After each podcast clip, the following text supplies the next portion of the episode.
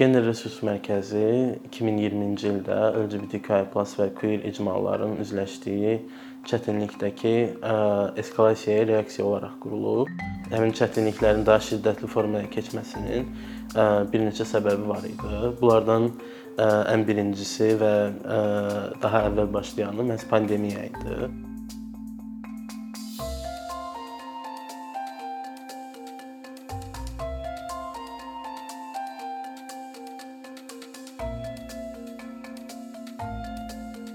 Pandemiya əlbəttə ki, bütün dünyada, həmçinin Azərbaycanda iqtisadiyyata çox ciddi zərər vurub və eyni zamanda bizim öyrəşdiyimiz gündəlik həyatda bəzən vacibiyyətin fərqinə varmadığımız resursların ciddi şəkildə əlimizdən alınmasına səbəb olub. Amma bu Azərbaycan kimi ölkələrdə ən çox LGBTQI+ və queer icmalara öz təsirini göstərir.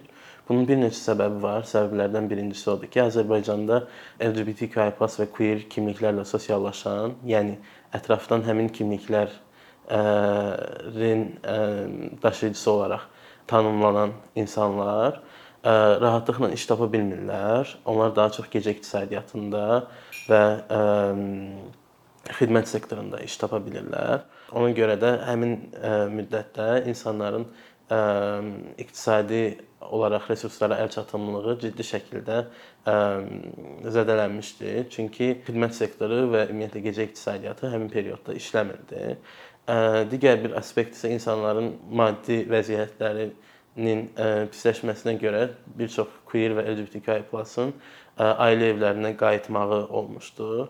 Bu da insanların mental sağlamlığına çox ciddi şəkildə təsir eləyir. Əsasən də davamlı olaraq öz kimliyini basdırmağa çalışmaq və yaxud da əgər artıq aşkarlanıbsa, istəyərəkdən və yaxud da istəməyərəkdən LGBTQI+ kimliyi davamlı olaraq hansısa baskıya və təzyiqlərə məruz qalmaq insanların mental sağlamlığına çox ciddi təsir eləyir və uzunmüddətli dövrdə davam edən təşviş və depressiya yarada bilər.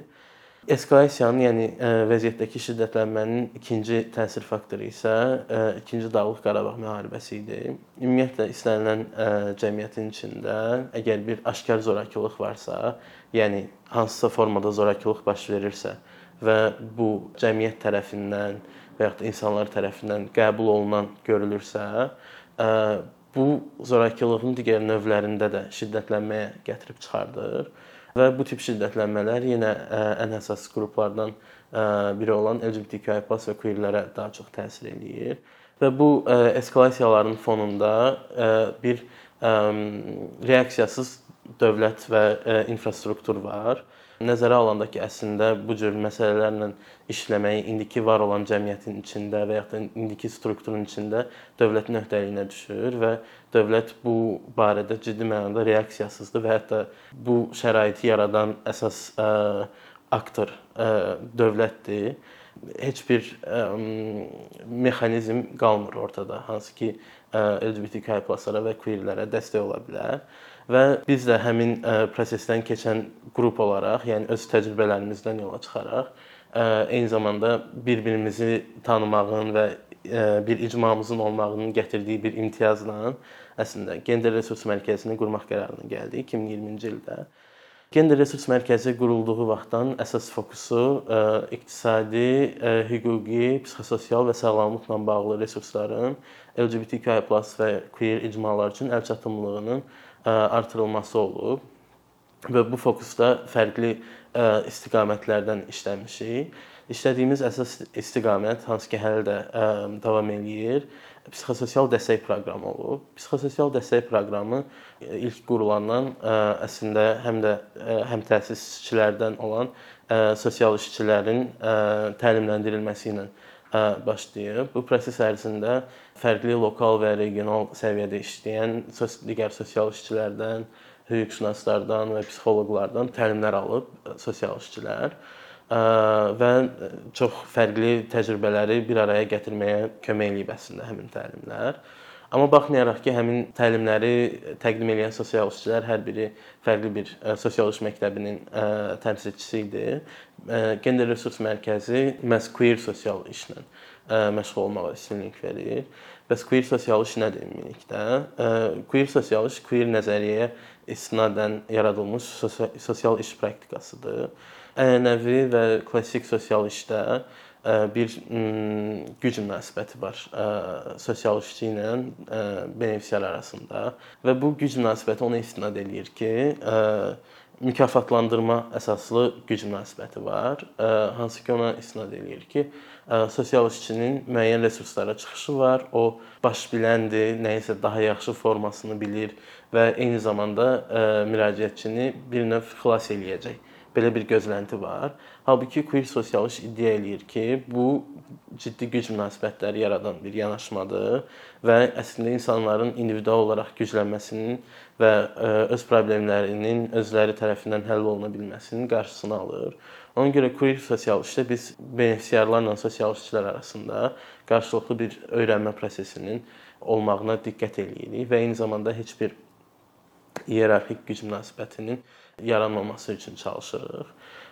Və queer sosial işin digər aspekti isə insanların özlərini təmsil etdiyi icmalarla işləməyidir. Yəni əgər queerlərlə işləmək istəyirsənsə, sənin queer kimliyin olmalıdır. Bu da ona görə vacibdir ki, əgər hansısa təcrübəni bölüşmürsənsə benefisiarla, bu səndə ya bir mühakiməçi pozisiya yarada bilər, ya empatiyan daha az ola bilər həmin benefisiarla işləyərkən və yaxud da ki, ciddi mənada görməsən gələ bilərsən onun yaşadığı təcrübələri, təcrübələrini dəyərsizləşdirə bilərsən benefisiarın. İndiyə kimi ə, təqribən 350-dən çox ə, LGBTQI+ və queer-lə işləmişik bu proqram çərçivəsində. Müraciətçilərin ə, müraciət səbəbi olan mövzular çox fərqli və ə, dəyişkən ola bilər. Bunlara daxildir məsələn məişət zorakılığı, ə, intim partnyor zorakılığı, hərbi çağırışla bağlı məsələlər, İİV pozitiv diaqnozu, məcburi ev həbsi və yaxud da əsassız saxlanma polis tərəfindən, polis zorakılığı, təhsil müəssisələrində yaşanan struktural queer fobiya və zorakılıq, cinsi və reproduktiv sağlamlıq və hüquqlarla bağlı məsələlər və eyni zamanda digər aspektləri əhatə edən leqal məsələlər və hüquqi, sosial və tibbi gender adaptasiyası. Və bunun arxasında həmçinin üzləşilən çox ciddi çətinliklər, təhlükələr və risklər də var. Çətinliklər həm resursların əlçatanlığı ilə bağlı ola bilər, həm də ə, dövlətin sahib olduğu əsas əsas resursların queerlər üçün nəzərdə tutulmamış olması və ya da queerlərin ümumiyyətlə o resurslara əlçatanlığının ləğv olunması bir növ nəzərdə tutulur.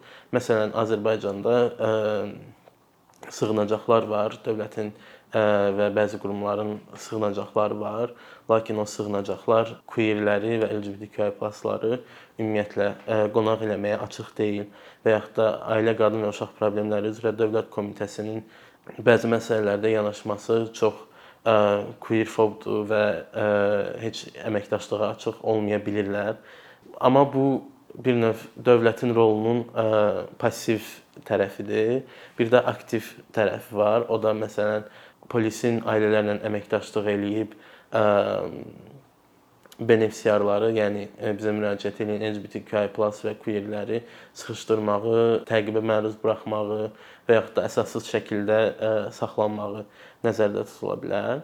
Amma əlbəttə ki, təhlükələr ancaq benefisiarlar tərəfindən üzləşilmir. Eyni zamanda bu risklər komandanın özünə də şamil oluna bilər. Çünki bizim ə, komanda üzvlərimiz, yəni sosial işçilər və psixoloqlar da əsassız şəkildə polis tərəfindən saxlanılıblar, ailələr tərəfindən təhdidlərə məruz qalıblar və eyni zamanda ailələrin polislə əməkdaşlığı içərisində müxtəlif formatlarda izləniliblər və yaxud da sıxışdırılıblar. Ümumiyyətlə gender resurs mərkəzindəki 3 illik təcrübəmiz də göstərir ki, bütün bu problemləri həll etmək üçün ən vacib tərəflərdən biri iqtisadi gücləndirmədir.